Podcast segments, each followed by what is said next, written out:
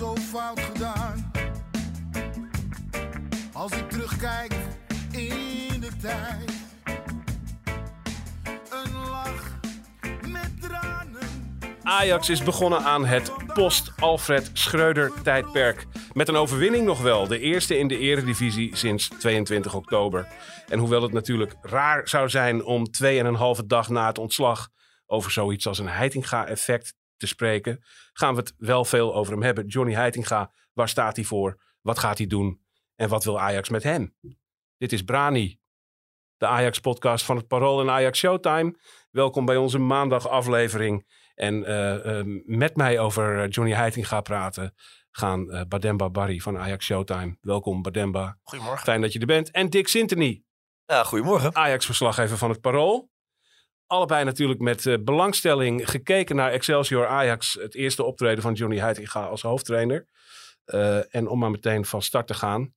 Eh, het eerste wat daar opviel was de samenstelling van de verdediging. Sanchez lag er al uit in de laatste wedstrijd van Schreuder. Nu zat ook Bessie op de bank. Dus daar is iets veranderd, Bademba. Ja, dat, dat was opvallend. Kijk, centrum is natuurlijk eigenlijk het hele seizoen al zoeken geweest. Blind heeft er gestaan, Bessie heeft er gestaan. Eigenlijk is de enige constante Timber geweest. Eh, en Schreuder heeft natuurlijk in zijn laatste paar wedstrijden eh, het centrum Timber Alvarez een beetje gevonden. Noodgedwongen ook, Ja, naar die kaart van, eh, van Rens tegen Twente. Ehm, nou, daar heeft hij aan vastgehouden. En Heitinga zet die lijn nu voort. Ehm, maar hij kiest dus wel voor belangrijk, vooral Owen Wijndal op linksback. En dat gaat in deze eh, dan ten koste van Bessie. Ja. Past dat in het beeld wat jij van Heitinga hebt, d- Dick? Had jij deze ingreep zien aankomen in de verdediging? Ehm, ja, dat was wel de meest voor de hand liggende eh, wijziging die je zou kunnen maken. En die maakte hij die ook. Dus ja, en verder heeft hij natuurlijk nog niet, eh, ja, niet heel veel naar zijn hand gezet. Dat kan Nee. natuurlijk ook helemaal niet. Dat kan natuurlijk niet. Eh, maar is dit, als je dan toch gaat zoeken, een beetje, misschien een beetje spijkers op laag water, naar iets van een, eh, eh, een, een keuze van Johnny Nee, Heitinga? dit is- dit- voor voetbal? nee, die dit is, dit is, je moet het zo zien. Het dak is lek. Ja, En Heitinga heeft nu een paar emmers eh, neergezet om het water op te vangen. Snap je? ja. Dus, dus ja, dat, rep- die reparatie, dat, dat moet er allemaal nog gaan, gaan komen. ja, nee, dat begrijp En de ik vraag wel, is of hij die uit mag voeren of dat ze een andere loodgieter zoeken. Maar schemert die, eh, schemert die, daar gaan we zo meteen over verder, hè, over die loodgieter. En welke loodgieter er precies echt in de arm genomen gaat worden. Eh, eh, maar schemert hier iets door van hoe hij het ziet? Het Nee. wekt toch een beetje de indruk van een man die zich heeft zitten ergeren aan Sanchez en Bessie. En nu denkt, Ja, zo, dat- dat- nu dat ben heeft- ik de baas. Ja, dat heeft iedereen gedaan. Alleen waarom een, tra- een andere trainer daaraan vasthoudt, dat kan heel veel redenen en oorzaken hebben.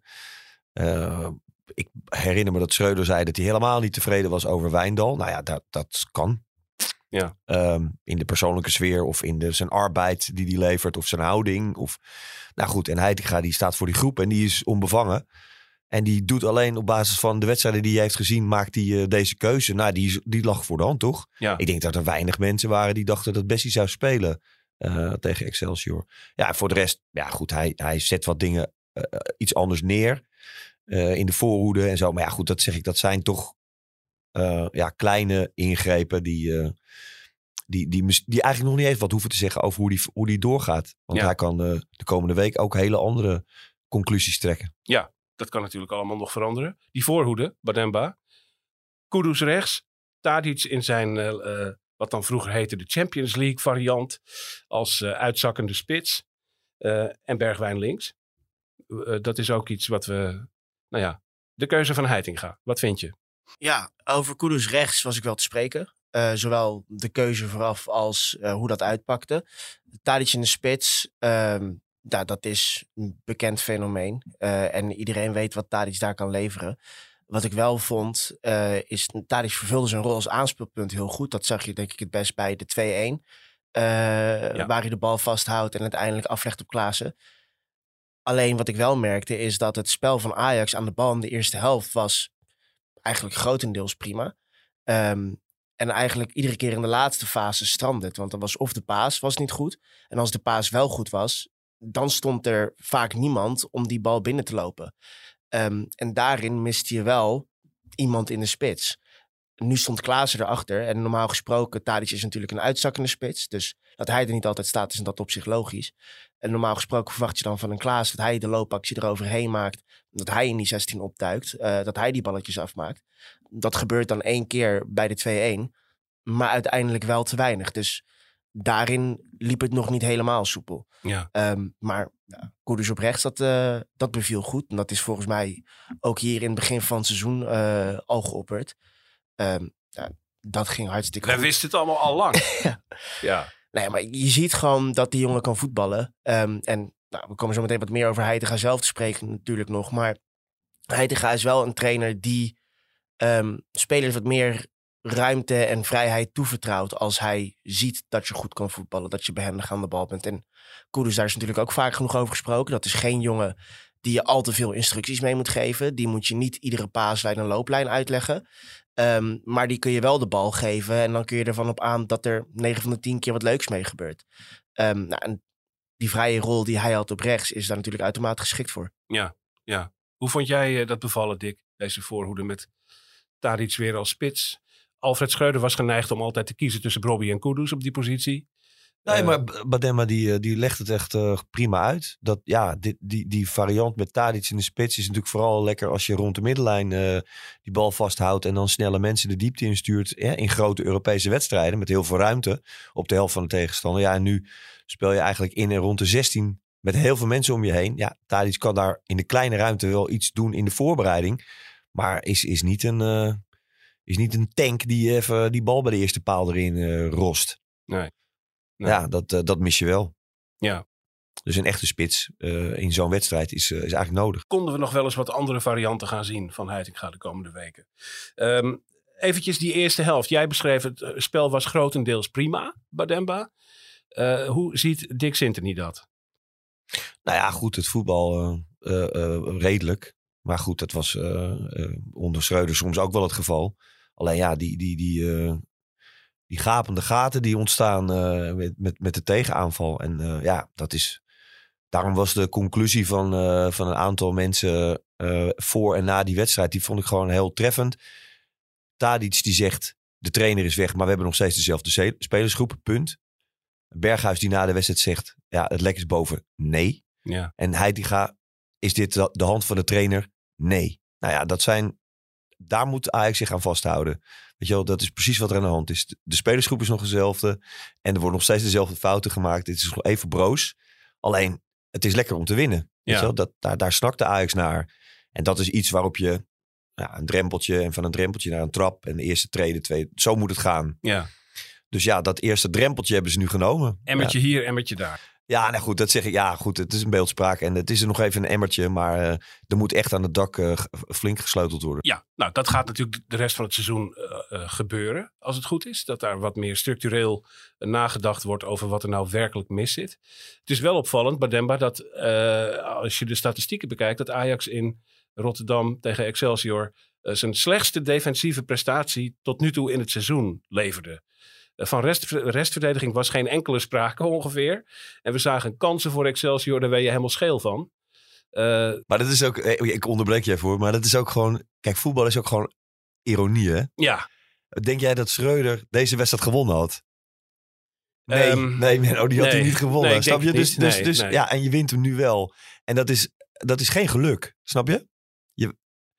Joris van den Berg heeft daar een heel mooi boek over geschreven, heel lang geleden al. Mysterieuze krachten in de sport. Ja. dat mentale gedeelte, dat zit daar zo ingebakken.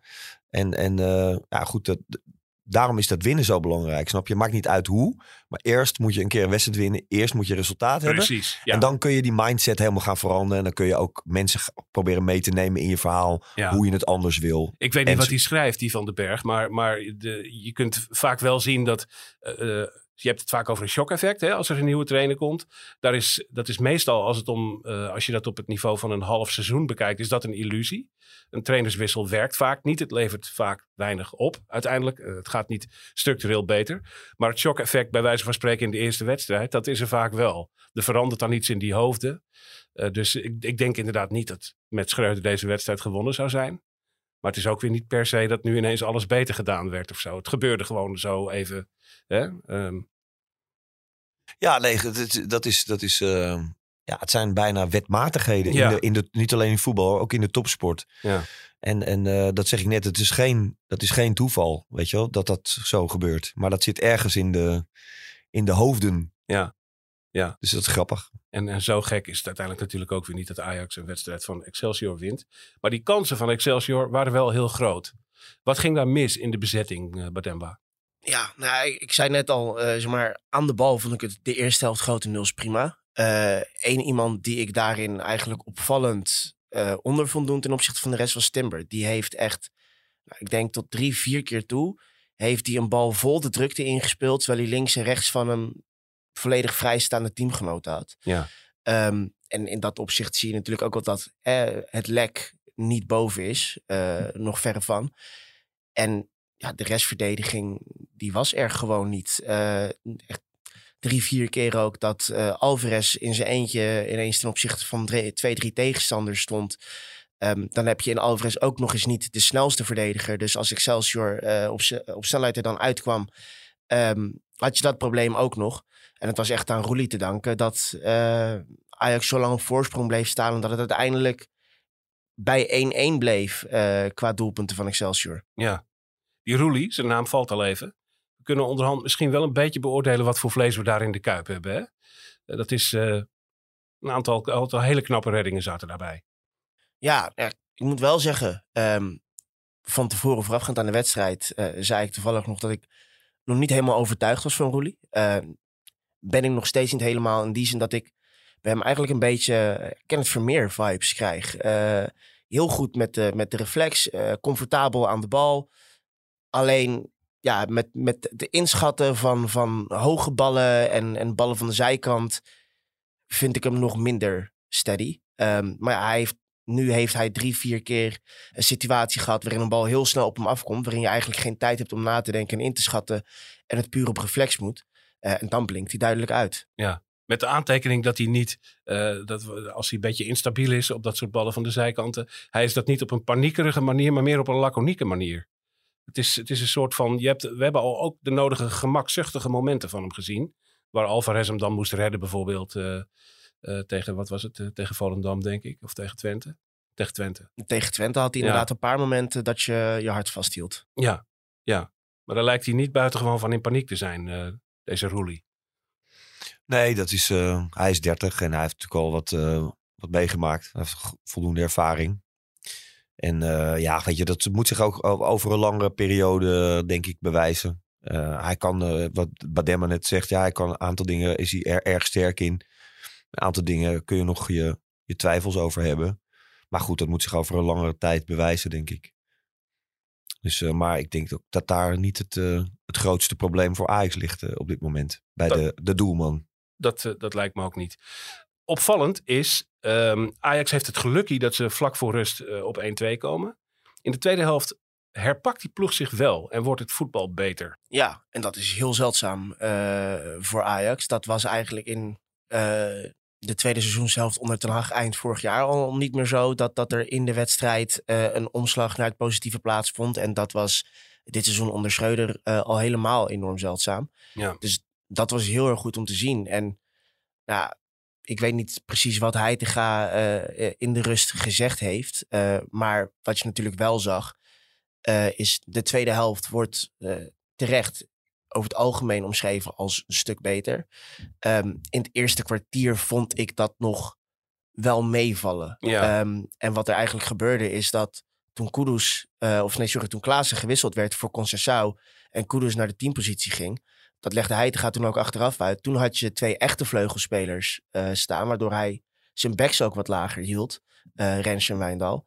Ja, en toen was die restverdediging ineens ook een stuk beter.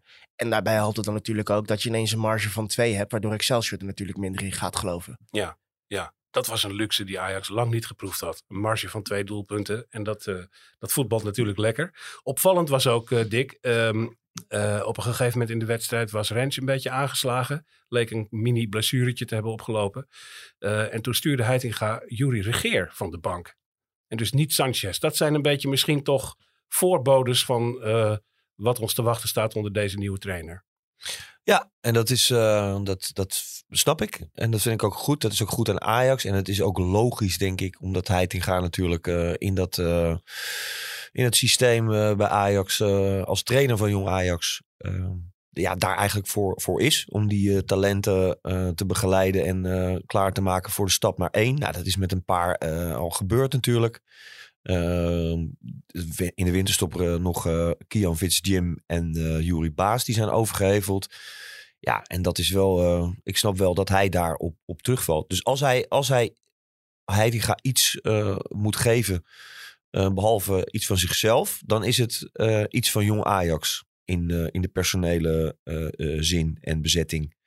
En dat lijkt me ook verstandig. Want ik denk dat Ajax... eh, ze moeten ook zeker nog naar dit seizoen kijken, uiteraard. Maar toch ook naar eh, verder en langer. Want eh, er komt een belangrijk jaar aan, ook hierna. Ja, ik moet zeggen dat ik wel heel blij was eh, met het feit dat eh Regeer warm ging lopen en dat Sanchez op de bank bleef zitten. Kijk, eh, over Sanchez en Bessie is natuurlijk veel gezegd, veel terecht ook.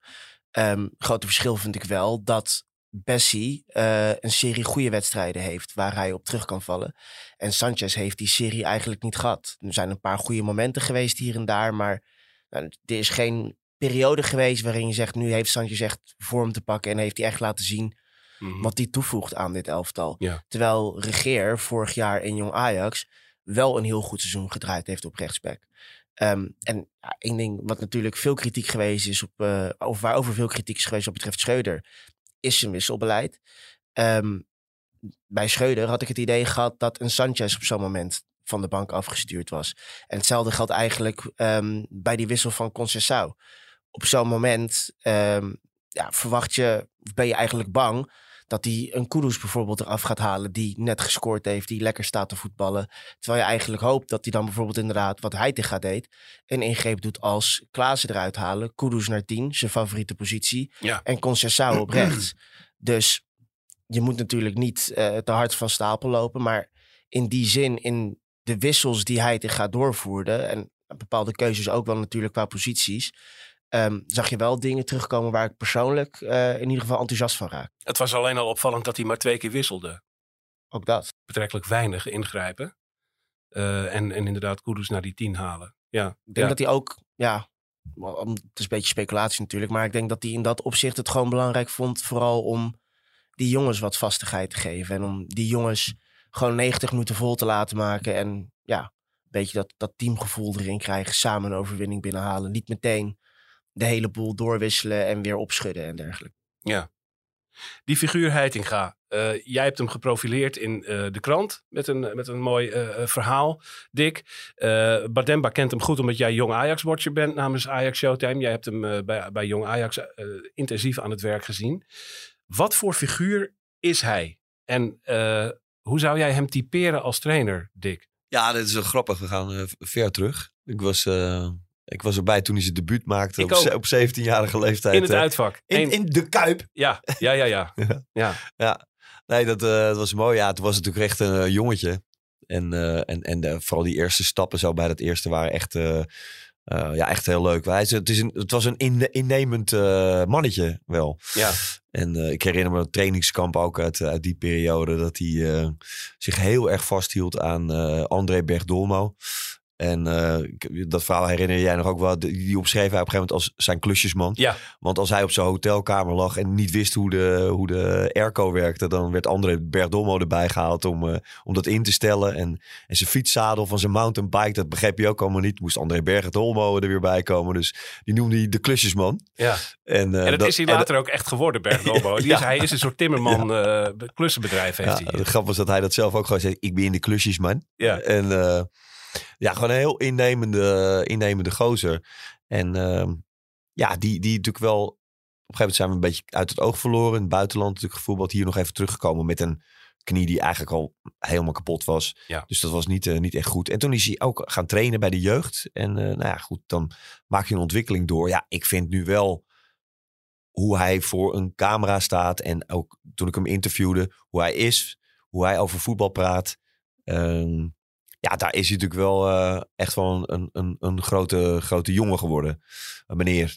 En eh, ja, goed, wat hij in zijn mars heeft als trainer, dat moet allemaal blijken. Maar eh, voorlopig staat er wel gewoon een vent. Geweldig is ook natuurlijk het verhaal van hoe Johnny Heitinga bij Ajax terecht is gekomen. Een verjaardagscadeautje hadden ze voor hem geregeld dat hij een keertje mocht meetrainen met de jeugd.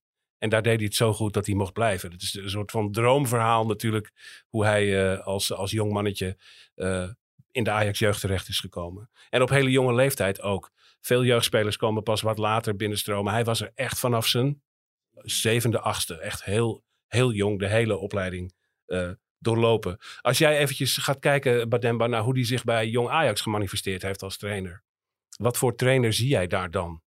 Het is allereerst is het echt een, een, een people manager. Ik heb eh, eh, zelf ook een, een stuk geschreven over hem eh, voor Showtime afgelopen weekend. Ik heb hem een paar maanden geleden, toen nog als trainer van Jong Ajax, ook uitgebreid mogen interviewen voor Showtime. En wat daaruit heel duidelijk naar voren komt, is dat hij enorm veel waarde hecht aan de band tussen speler en trainer. Dat is voor hem het allerbelangrijkste. Hij zei ook op een gegeven moment letterlijk: hoe meer ik van een speler weet en andersom, beter. Daar ga je het meeste uithalen. Daar is hij 100% van overtuigd. En dat merk je ook aan eh, hoe hij met zijn spelers omgaat, aan eh, hoe populair hij over het algemeen is onder zijn spelers. Ehm, en van daaruit is hij ook heel goed gebleken in het beter maken van spelers en het maximale uit spelers halen. Eh, om vorig seizoen erbij te pakken, ik noemde Gerald, die zich heel sterk ontwikkelde onder, eh onder Heitinga op rechtsback. Nou, dat was het eerste seizoen dat Regeer consistent op rechtsback gespeeld heeft. Eh Naji natuurlijk al, al jaren een van de grootste talenten uit de jeugdopleiding. Eveneens een enorme ontwikkeling doorgemaakt onder Heitinga eh bij Jong Ajax vorig seizoen. Eh, en heeft toen uiteindelijk ook het, bijvoorbeeld het record voor meeste doelpunten en assists in één seizoen bij Jong Ajax verbroken. Dus hij is enorm begaan met, met het individu, zonder daarbij het team uit het oog te verliezen. En hij is enorm bezig met mindset. Eh, tijdens dat interview raakte hij niet uitgepraat over mindset en hoe belangrijk dat is. Over hoe je niet alleen op talent terug kunt vallen, maar dat je de juiste mentaliteit erbij nodig hebt. Ehm, en nou, dat was natuurlijk ook wel opvallend gisteren eh, eh, rondom zijn interviews. Was de mindset van de selectie was wel een van de dingen die hij zich liet ontvallen waar hij nou, niet zo heel erg van onder de indruk was, om maar eventjes zo te zeggen. Want hij was natuurlijk mee op het trainingskamp eh, in Marbella eh, van afgelopen winter. Ja.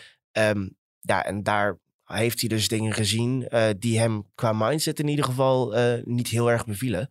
Dus ik denk dat hij in dat opzicht wel een, een hele goede kan zijn. Een hele goede toevoeging kan zijn. Het zij als interim coach, het zij als assistent als Ajax een, op korte termijn een betere vindt of een permanente coach vindt. Ehm, en belangrijk ook, kijk, Schreuder, daar is natuurlijk ook veel over gezegd. Die stond niet boven de groep. Dat wilde hij ook niet. Hij wilde alles heel nadrukkelijk samen doen, gedeelde verantwoordelijkheid. Ehm, en Heitinga is ook heel goed met zijn spelers. Ehm, kan er prima tussen lopen. Maar uiteindelijk staat hij wel boven de groep. Hij is wel Ja, is de dat leider. zo? Ik vind dat, dat vind ik fijn om te horen dat je dat zegt. Want, want dat is een beetje waar ik wel persoonlijk aan twijfel. Maar Kijk, bij Jong, Ajax was dat, bij Jong Ajax was dat het geval. Het is natuurlijk anders. Hè? Bij Jong Ajax is hij natuurlijk ook de grote oud-voetballer eh, John Heitinga... die ja, een aantal broekies eh, toch nog wel begeleidt. Dit wordt nou, voor hem natuurlijk ook de eerste keer dat hij met jongens als Bergwijn en Tadic en Berghuis gaat werken. Ja. Dus de nuance die je daarbij moet plaatsen is dat je toch altijd moet afwachten hoe die daarmee omgaat. Maar bij Jong Ajax was hij uiteindelijk wel de baas. Hij had het er bijvoorbeeld ook over dat eh, Jong Ajax heeft vorig seizoen een heel mooi seizoen gedraaid qua resultaten. Maar de eerste vijf wedstrijden waar, leek daar totaal niet op. Toen was het spel was, eh, nog niet goed. En nou, er ging volgens mij maar eentje gewonnen van die wedstrijden. Ze kregen enorm veel kansen tegen. Ehm, en toen gaf hij ook wel aan, nou, dat had hem ook wel met mindset te maken. Toen, toen zat het ook nog niet helemaal goed in die koppies. Ja. En toen hebben ze echt wel eerst alle neuzen dezelfde kant op moeten krijgen. Disciplinair een beetje in moeten grijpen. Voordat eh, de boel echt ging lopen. En daarna hebben ze een recordreeks van 13 ongeslagen wedstrijden neergezet. Dus het resultaat was er ook wel naar op dat moment. De focus gaat op mindset. Ja, dat is wat we het tijdperk Heitinga als eerste gaan zien. Dick, wat vond jij van de optredens van eh Heitinga rondom die wedstrijd tegen Excelsior? Hoe die erover praten? Ja, nou ja, ja. Rustig, relativerend.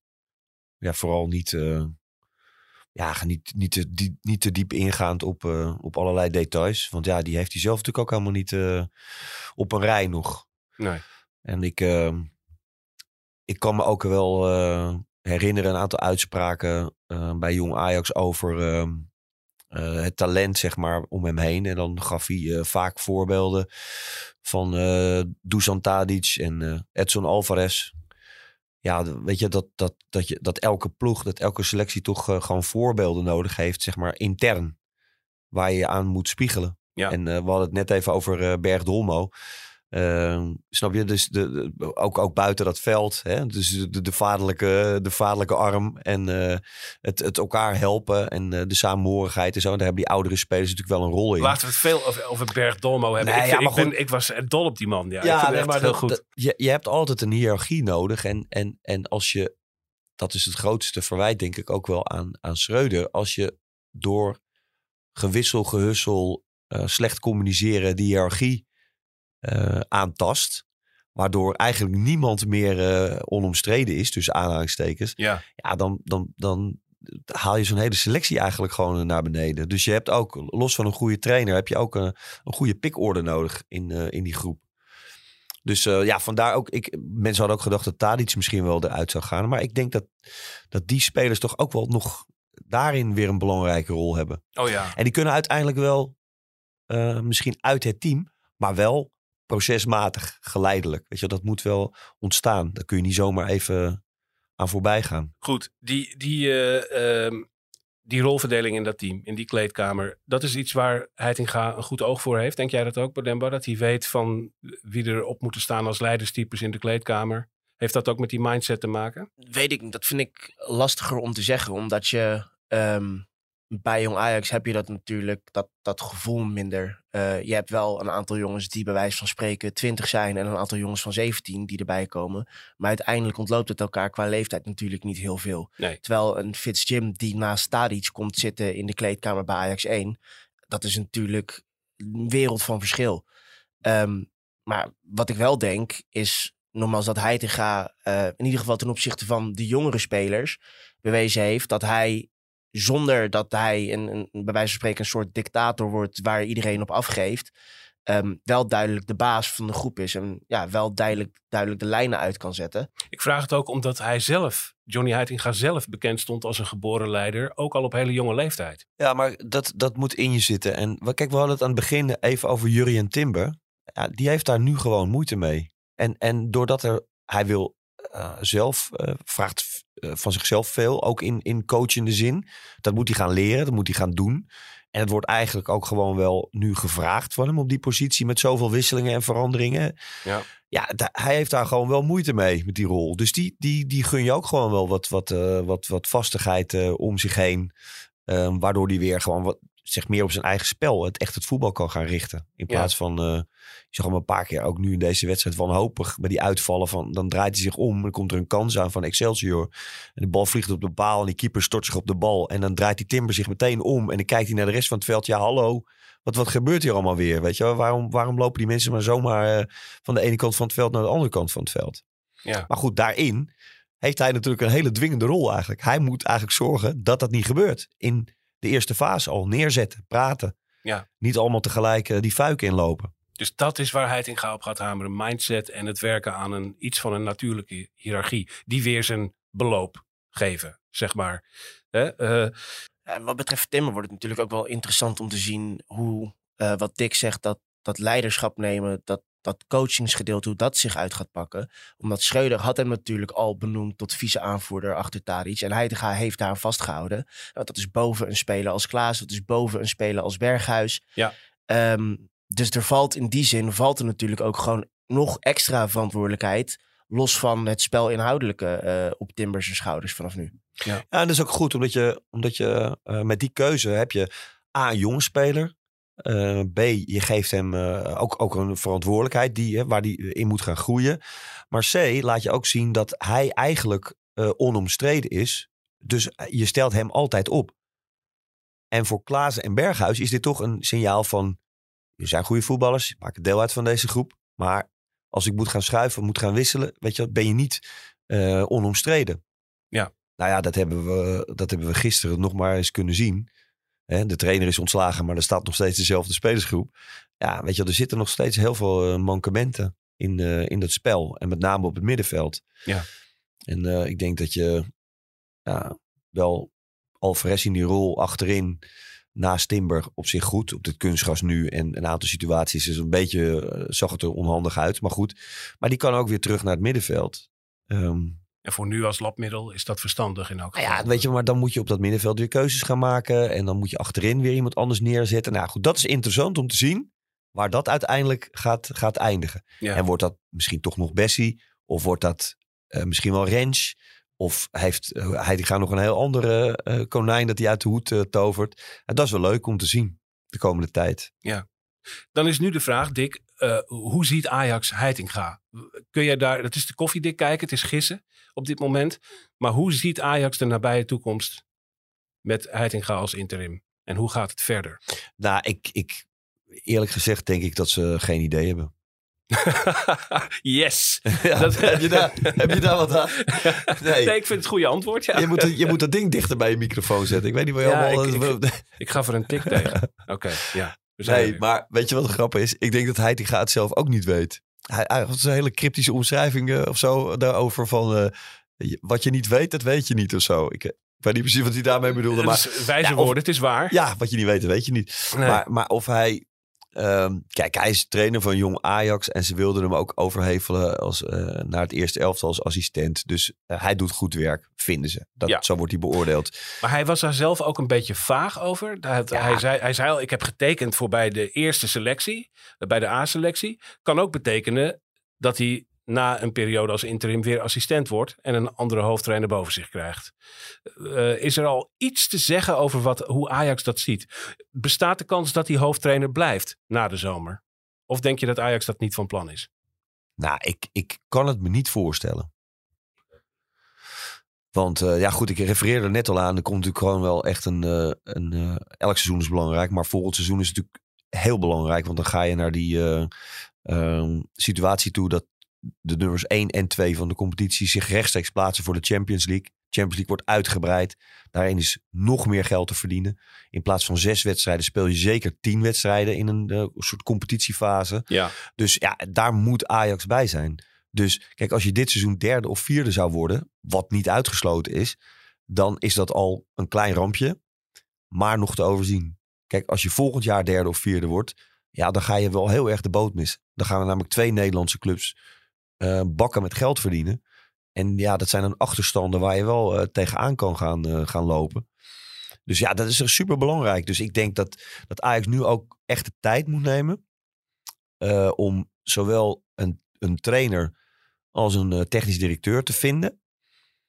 Om zeg maar volgend seizoen er echt te staan. Organisatorisch, met de selectie, dat je precies weet hoe en wat. Dus het zou ook nog kunnen dat je misschien nu al een trainer vindt die volgend jaar aan de slag gaat. Eh, dat je dat nog niet eens naar buiten brengt, of wel. Maar misschien ook niet. Ja. En dat je dan die trainer gewoon drie maanden de, de kans geeft om alle wedstrijden te zien, alles te beoordelen. eh, te kijken van welke spelers moeten hier nog worden toegevoegd. Zonder welke- dat hij al in functie is. bij, bij wijze van spreken. Ja, ja. En, en ja, weet je, dat, dat, dat, is, dat is wel essentieel. Dus dit seizoen moet je toch wel proberen, uiteraard, te redden wat er te redden valt. Misschien nog eh, wel eh, eh, wat te klimmen op de ranglijst. Misschien Europees nog, nog iets leuks te doen. Met kan paar- toch gewoon nog kampioen worden, man? Dat kan toch makkelijk? Ik bedoel, hè? Ja, dat, dat, dat, dat hoorde ik jullie net ook zeggen. Tuurlijk kan dat, qua punten wel. Maar ik zie andere ploegen voetballen. En daar zie ik veel meer in dan, dan Ajax. Dat ook, is waar. Ook, ja, dat is gewoon zo. Die, Ja. die, zo eerlijk moet je zijn. Als je naar Feyenoord Twente zit te kijken, dan zie je daar zich een topwedstrijd ontvouwen waar Ajax op dit moment niet aan tipt. Eh, maar het lijkt wel alsof de concurrenten allemaal hun best doen om Ajax er een beetje bij te houden. Want ze verliezen steeds punten. Eh, Ja, ook- maar ze spelen ook tegen elkaar nu hè, in dit geval. Dus, Ja. eh, en en dat, dat gaat Ajax natuurlijk ook nog wel krijgen. Dus ze krijgen nog Feyenoord en AZ thuis. Ze moeten nog naar PSV ehm, en naar Twente. Twente op dus, de eh, slotdag. Maar goed, dat zijn wel... Ja, ik denk dat daarin niet het verschil ge- gemaakt wordt. Eh, heb ik het gevoel. Ik denk dat het echt in die wedstrijden gaat. eh, zoals NEC uit, Volendam thuis. Ja, en, en PSV en Ajax zijn daar echt slordig in. Ja. Dit seizoen. Heel erg slordig. En Ajax zelfs slecht. Ja. Ja, dat, dat, daarin heb je jezelf zoveel tekort gedaan. Ja, dat moet je nog maar zien te herstellen. ongelooflijk veel punten verloren. Ja.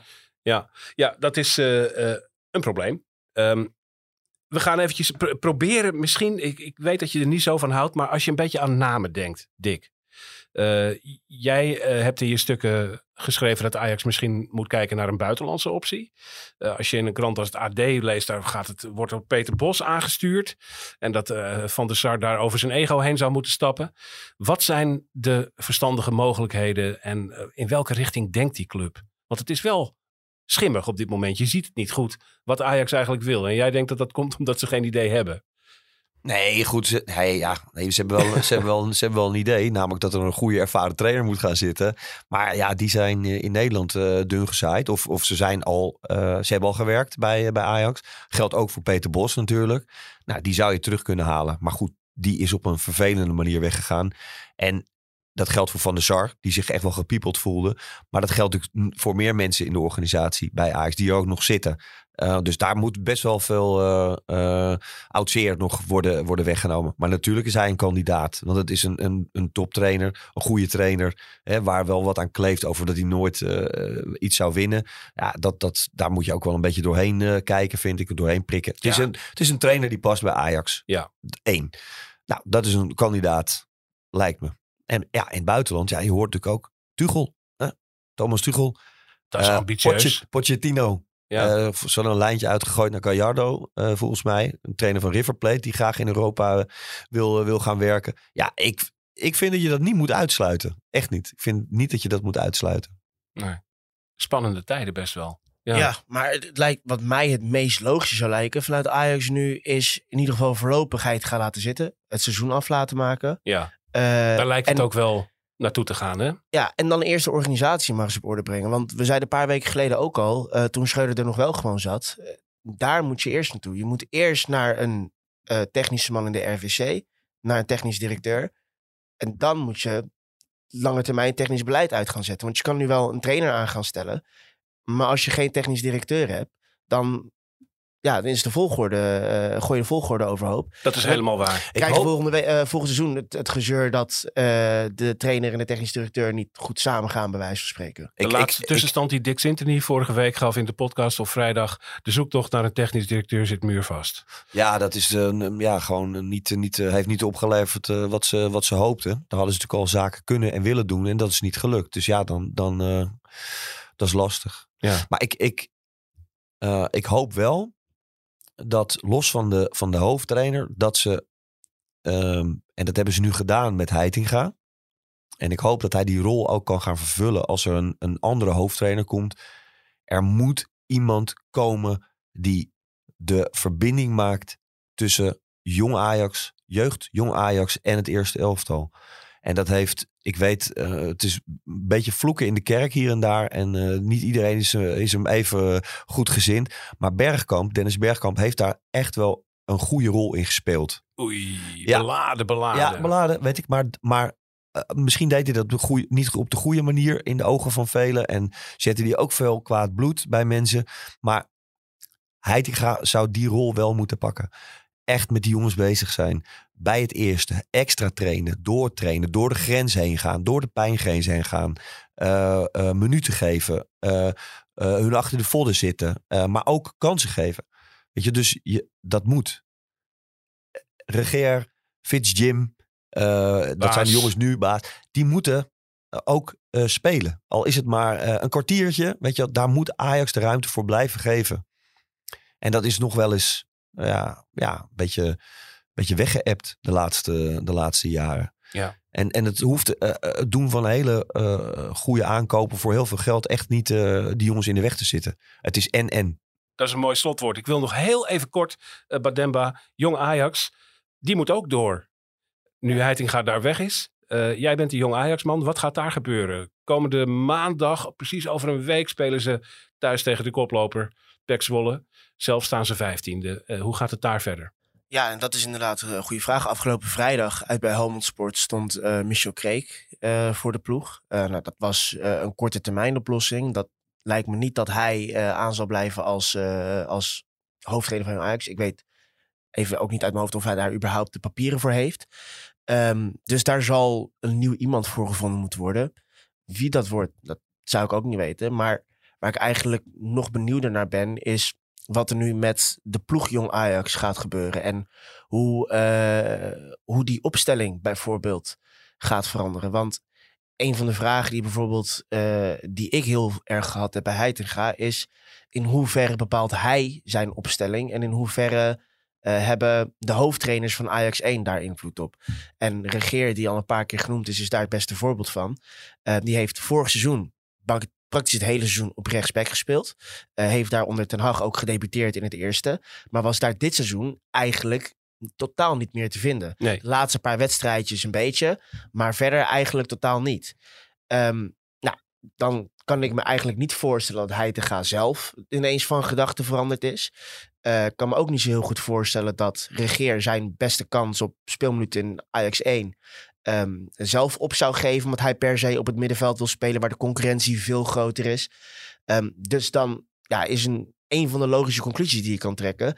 Dat Schreuder het uh, misschien niet in regeer ziet zetten op rechtsback. Uh, en misschien op een andere positie.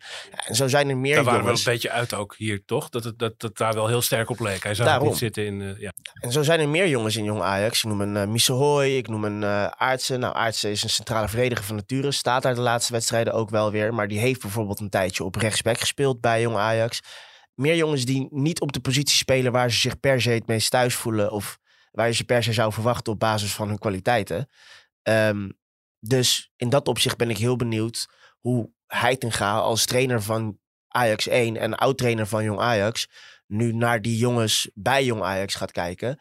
En wat hij met die posities gaat doen, wat hij met de invulling van de opstelling gaat doen. Ja, ja. dankjewel. We gaan afronden. Het is uh, in beweging. Het schuift, het beweegt en het wint weer. Ajax heeft weer eens een wedstrijd gewonnen. Lekker voor Heitinga dat hij met een winstpartijtje begonnen is. Lekker vooral ook voor hem dat hij nu een week voor zich heeft liggen waarin hij elke dag met die ploeg aan de hand uh, aan, het werk kan. Zodat we over een week misschien al iets meer zien van een hand van Heitinga. Wij gaan het volgen. Over een week is er weer een nieuwe Brani. Dankjewel Dick Sintony, dankjewel Bademba Barry. We bedanken ook Josien Wolthuizen die voor ons de techniek en de montage doet. En we bedanken Ja 6, de band, voor het maken van de prachtige muziek in onze lieden. Mijn naam was Menno Pot. Dit was Brani. Tot volgende week.